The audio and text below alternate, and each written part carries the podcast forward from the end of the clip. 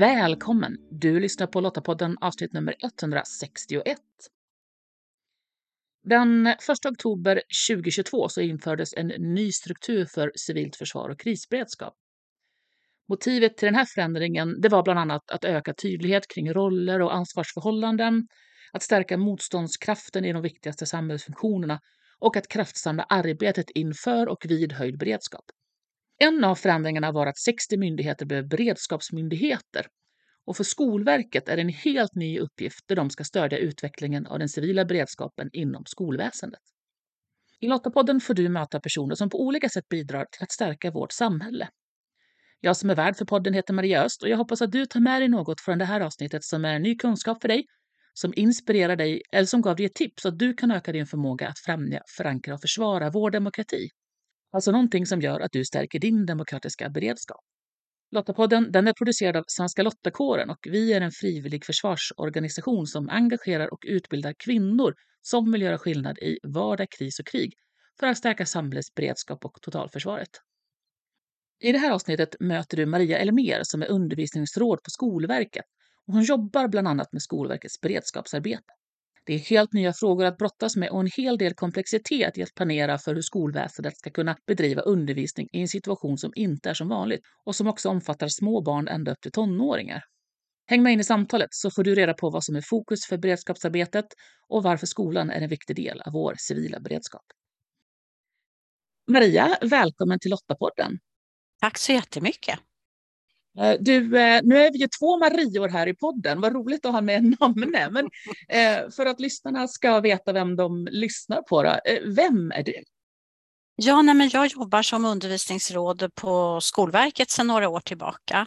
Och där jobbar jag som ansvarig för några frågor, bland annat eh, vår skolchefsutbildning, frågor som har med styrning och ledning att göra eh, generellt och ansvaret för vårt eh, stödmaterial till våra målgrupper kring säkerhet och krisberedskap. Eh, och där ingår ju också nu då arbetet med beredskapsfrågorna som är riktat liksom externt mot våra målgrupper. Om bara att sätta lite i kontext då, vad är liksom uppdraget för Skolverket? Ja, men vi är ju en normerande och stödjande myndighet för skolväsendet i Sverige. Så det är ju liksom den nationella skolmyndigheten kan man säga förutom att vi jobbar med stöd, olika former av eh, insatser och, och eh, vägledningar och stöd för målgrupperna, hela skolväsendet, så eh, har vi också olika statsbidrag. Och sen arbetar vi med lärarlegitimationerna till exempel. Och sen finns det omvärldsspaning och analyser, utvärderingar som görs av olika avdelningar på Skolverket. Och nu har ju Skolverket blivit beredskapsmyndighet. Vad innebär det för er? Ja, det innebär ju någonting helt nytt, vill jag, kan jag väl börja med att säga. Det är ju eh, ett helt nytt uppdrag som vi fick då 1 oktober förra året. Det blev väl eh, lite tidigare lagt det här i eh, beslutet utifrån vårt omvärldsläge som vi befinner oss i just nu. Men det är ju ett helt nytt uppdrag, så det är helt ny mark egentligen, för, eller det är det för vår myndighet. Ja, vi är den enda skolmyndigheten då som, som har blivit eh, beredskapsmyndighet, så det är såklart ett stort ansvar. Och spännande också, tänker jag, att, att titta på den, den aspekten också utifrån skolväsendets sida. Skolan är ju en eh, väldigt viktig och stor del av, av samhället och, och eh, vår demokrati och eh, många människor möts där varje dag. Det är väl en av Sveriges största arbetsplatser och ett stort ansvar såklart. Skolan har ju ett väldigt tydligt demokratiuppdrag i just att där lär vi oss vad innebär det att vi är en demokrati och hur kan jag delta i det och hur kan jag påverka, inte minst. Men eh, kan du beskriva demokratiuppdraget för skolan? Ja, det står ju i läroplanerna och det finns ju med för skolväsendet det handlar ju om eh, att inte bara undervisa om demokrati utan att eh, skolan ska ju också ha demokratiska arbetsformer. Och ytterst så, så eh, om man ska förenkla det väldigt, så handlar det väl om ja, men vilket samhälle vill vi leva i imorgon? Och hur ska vi skapa liksom, ett sådant samhälle tillsammans? Och hur kan, hur kan barn och unga bidra till att, att, eh, att vi lever i ett demokratiskt samhälle och ett demokratiskt land också framgent? Eh, och då det finns ju många delar i, i det här uppdraget, förutom att, att förstå vad demokrati innebär och att, eh, att, att det ska vara en demokratisk skola, så handlar det också om ansvarstagande, kunskap, respekt för andra människor, men också förståelse för att, man, att i en demokrati så kanske man inte alltid får som man vill och att det är ett demokratiskt samhälle har, har långsamma beslutsprocesser och de ska vara rättssäkra och så vidare. Så att det är många delar i det. Det handlar väl framförallt om att skapa den här förståelsen för vad det innebär och eh, ha ansvar för det. Ja, men just det, för det där upplever jag ibland att förloras i dialogen när vi pratar om demokrati. Vi, vi pratar om att vi har fri och rättigheter, men jag upplever nog att vi kanske inte tillräckligt pratar om att vi faktiskt har ansvar då också. Att som du säger, tillsammans skapa samhället respekten för andra människor och, och respekten för att man inte alltid får man, som man vill. Det, det, det, finns ju massor med slitna citat om, om demokrati, men ett är ju att eh, jag delar inte din uppfattning, men jag är beredd att kämpa för att du får uttrycka den, till exempel. Inte ordagrant, men ungefär så. Och kunskapen då om totalförsvaret, hur passar det in i demokratiuppdraget? man måste på något sätt utgå ifrån, ja, men det, vad är totalförsvaret då? Ja, men det finns ju ett civilt försvar och det finns ett militärt försvar. Eh, och tillsammans blir det ju det då, totalförsvaret. Och skolan är ju en del av det civila försvaret. Och det handlar väl precis om det som vi just har pratat om, att, att skapa den här stabiliteten och förståelsen för ett demokratiskt samhälle. Att det också där är stöts och blöt. Viktigt att kunna få uttrycka odemokratiska åsikter och så vidare, men att man, liksom, att man möts i det i skolan eh, och skapar, skapar just den här förståelsen och ansvarstagande för det så att vi får, ett, att vi får en robust gemenskap kring Eh, ja, men vad innebär det att leva i Sverige, ett demokratiskt land och att det blir en stabilitet runt det. Eh, det kan vi ju se på i Ukraina till exempel, att det har ju varit väldigt viktigt, eh, den här känslan av samhörighet, att Ukraina är värt att försvara och de grundläggande värdena och värderingarna som finns där. Att det har varit en, liksom en, en, en grundbult och stabilitet i, i försvaret. Och det, och det, är väl det som, som är ett civilt försvar, att man skapar den här robustheten kring de här frågorna och att det finns en samsyn runt att ja, men vi vill leva i Sverige och det är värt att försvara ett demokratiskt samhälle, fast vi kanske inte alltid tycker lika, men vi tar ansvar för att vi delar just det. Och, jag tänker just totalförsvarskunskapen då in i skolan. Ser ni att det är kopplat till, till vissa åldrar eller, eller ser ni att det här liksom behöver föras en dialog om redan med, med unga barn? Vad menar vi med totalförsvarskunskap?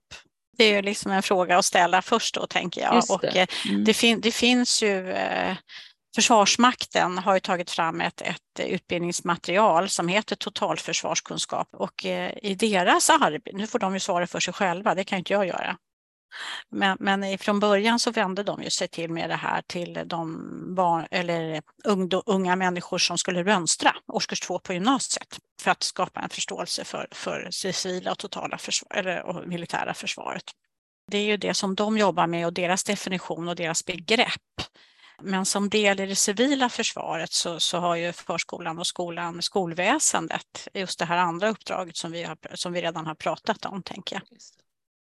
Det är ju som du säger, vilken vinkel kommer man från i det här? Och jag, eh, jag uppskattar också just det att man får den här liksom bredare diskussionen, att det inte bara blir nu ska vi göra allt för, för att saker och ting ska fungera, utan jag tänker varför det är väldigt, väldigt viktigt för att vi, precis som du säger, att vi faktiskt ska vilja eh, vara där och stå upp för de värderingarna. Eh, det måste vi ha grundat i. Och för att man ska vilja det som barn och ungdom i Sverige så, att säga, som, måste det också ha en betydelse för vad, vad man säger och tycker. Och man, det måste vara klart och tydligt i skolan, alltså att de här frågorna har jag möjlighet att eh, tycka till om, men där kanske jag inte kan besluta. Där har jag inte det här in, det stora inflytandet, men i de här frågorna har jag ett annat inflytande och där kan det finnas en annan typ av delaktighet och så.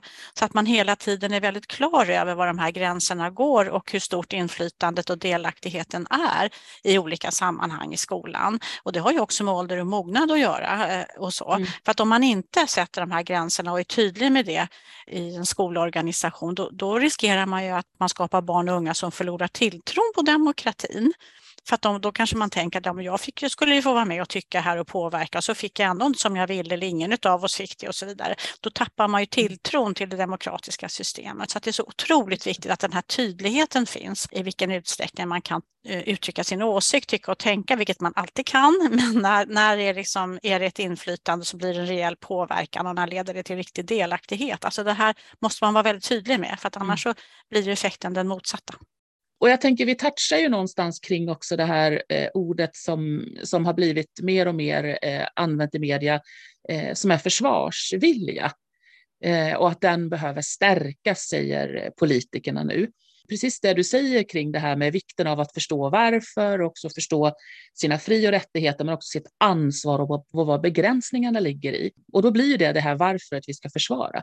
Eh, och för mig blir det då att ja, men där någonstans är ju min nivå av försvarsvilja. Eller vad, hur tänker du?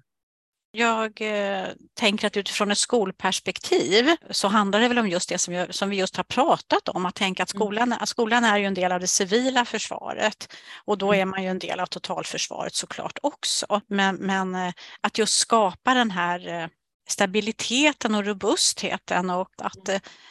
Nej, men att man tänker, vad är alternativet? Om vi inte lever i den här typen av samhälle, hur skulle vi, hur skulle vi ha det då? Mm. Eh, och, och, då tror jag att, att man skapar den här förståelsen, att det spelar roll, att man, för, att man förstår att det är ett ansvarstagande också och vad går gränserna för eh, den här delaktigheten i skolan så att säga, så att man inte just hamnar i det här läget, äh, det spelar ingen roll, det, det, vad är det här för något? Strunt, liksom, det, det och så, utan att det blir, att det blir en progression i, i demokratiarbetet i skolan Eh, och att eh, man aldrig liksom går ut och lovar för mycket som, som, eh, som vuxen i skolan kring barn och elevers inflytande utan man, utan man är tydlig med det här och då, och då tror jag att man skapar den här engagemanget hos barn och unga och viljan och förståelsen för att, att det är viktigt det som vi, vi vill försvara. Och nu då när Skolverket är en beredskapsmyndighet, hur jobbar ni nu? Vad är liksom det närmaste ni nu tar tag i?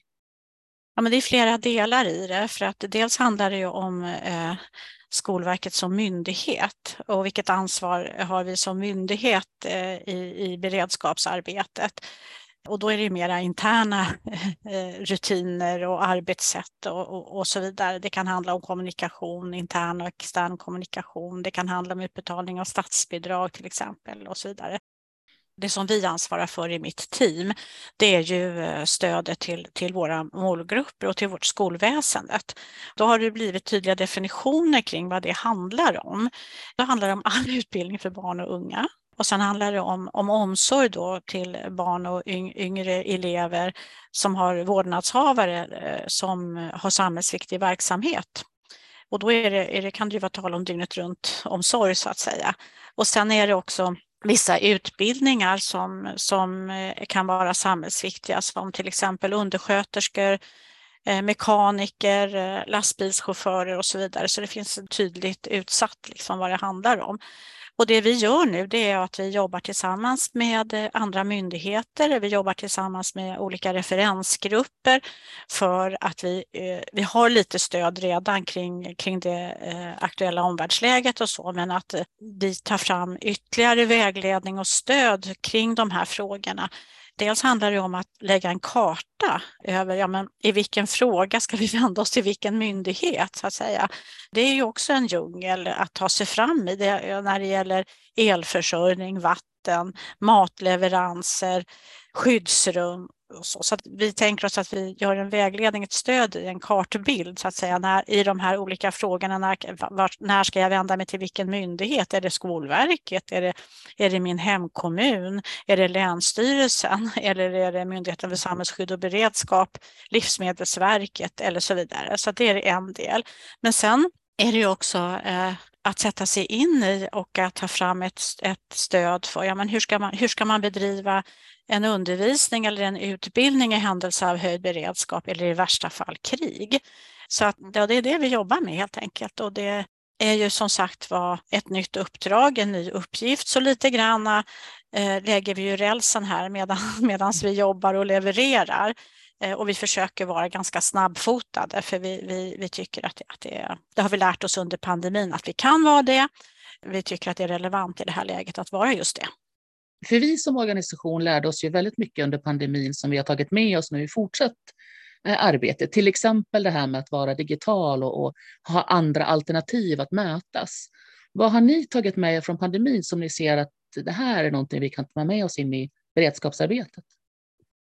Ja, det är framförallt att vi kan fatta snabba beslut och få ut eh, material snabbt till våra målgrupper. Att, att vi, vi klarar att hantera det på, på, på ett, ett snabbare sätt så att säga under ordinarie omständigheter.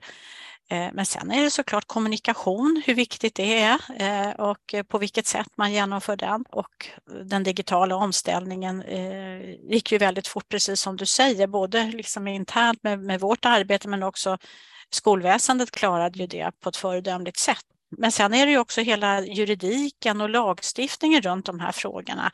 Det var ju en tillfällig förordning under pandemin till exempel och så. Och det är ju någonting som våra jurister tittar på till exempel. Det finns ju, krigsförordningen är ju ganska gammal, vi, vi har gjort en hemställan mm. och så vidare. Så att det är många delar i det, det är, och juridiken är ju otroligt viktig uh, i det här mm. sammanhanget också såklart ja, stort område och jag hade inte tänkt så långt, men det är klart som du säger, ska man då bedriva undervisning eh, under viss eh, då störda förhållanden, som du säger, har vi tillgång till, till el, värme under vintertid och, och mat naturligtvis till barnen. Ja, många komplexa frågor verkligen. I Sverige så ska ju grundskoleundervisningen fungera även under höjd beredskap, så gott det går såklart. Men förstår det rätt att man även tittar på att fortsätta bedriva vissa utbildningar som ligger bortom grundskolan? Samhällsviktig verksamhet inom skolväsendet är eh, också vissa delar i den åldersgruppen och då handlar det just om det som jag, man kan sätta sig in i totalförsvarsfrågan, liksom mm. mekaniker, lastbilschaufförer, eh, undersköterskor, den typen av, av utbildningar. Vilket jag tänker låter ju klokt någonstans, för det är, det är klart att de resurser vi har tillgång till i vardagen ska vi ju nyttja på bästa sätt även under eh, en, en möjlig då höjd beredskap. Och viktigt, eh, och vi måste ju vara lite snabbfotade som sagt, men sen är det ju också de här tre principerna då som Sveriges krishantering liksom vilar på kring ansvarsprincipen och likhetsprincipen och närhetsprincipen som innebär egentligen att verksamheter ska ju bedrivas så nära det normala som det bara går även under höjd mm. beredskap och krig. Ja, det är väl någon sorts liksom, vägledning för oss i stödet, men man, sen får det ju inte gå över till någon sorts naivitet för det finns ju såklart olika allvarlighetsgrader i höjd beredskap och krig och det kan ju också se olika ut i olika delar av landet, det vet vi ju inte. Ja, det händer ju som du sa väldigt mycket just nu i omvärlden också som påverkar ja, oss, som ja. naturligtvis också gör det ännu viktigare ja. eh, att, som du säger, vara snabbfotad och, och komma framåt, men också som ger oss lärdomar på ett sätt vi inte skulle ha kunnat gjort annars. Jag tänkte att jag skulle vilja lägga till en sak när, till frågorna som vi diskuterade lite tidigare här, för någonting som mm. också är viktigt att eh, skolan eh, jobbar med och eller att vi alla tänker på, det är ju den här alltså informationspåverkan eh, som, som kan finnas och hela det digitala livet och sociala medier och så vidare. Att man har tillitsfulla källor och, och att man lär sig att fundera över när kan man tro på saker och inte och hur de här olika trollfabrikerna jobbar och förstärker olika saker och så. Så att det där är ju också en stor del i, i skolans uppdrag och, och för oss alla egentligen, men också i det civila försvaret. Ja, absolut. Eh, och det är ju en mycket mer komplex värld nu än, än när jag gick i skolan, ja. när vi just har tillgången till sociala medier och, och möjligheten att, att påverka oss på, på många olika sätt.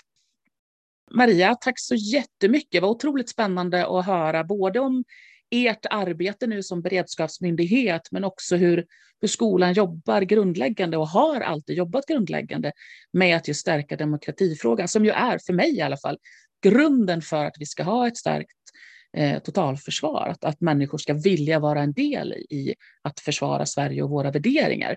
Eh, så jättespännande. Och ja, lycka till med det fortsatta beredskapsarbetet. Men tusen tack själv och tack för att jag fick vara med.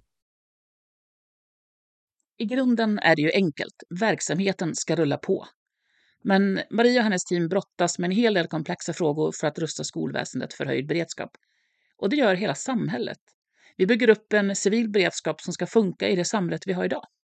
Och skolan är en viktig del i det, både för att förbereda oss för att vilja bidra till försvaret av Sverige, men också att under höjd beredskap fortsätta bedriva undervisning. Och dessutom bidra med viktiga resurser till det civila försvaret. Lästips relaterat till det vi samtalat om i det här avsnittet det hittar du på lottapodden.se. Och om du, precis som Svenska Lottakåren, tycker att fred, demokrati och mänskliga rättigheter är värda att försvara och du vill vara med och göra skillnad för vårt samhälles beredskap och totalförsvar, ja, men då ska du gå till svenskalottakåren.se. Där hittar du information om hur just du kan göra skillnad. Nästa avsnitt av Lottapodden kan du lyssna på den 16 mars.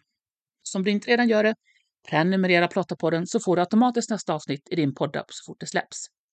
Du hittar podden bland annat i Apple Podcast, Podbin eller på Spotify, eller såklart på andra ställen där poddar finns. Om du gillar Lottapodden, berätta gärna för andra om den och lämna gärna en recension i din poddspelare så hjälper du fler att hitta till oss. Om du delar avsnittet i sociala medier så tagga gärna med hashtag Lottapodden. Och du? Tack för att du lyssnar. Hej så länge!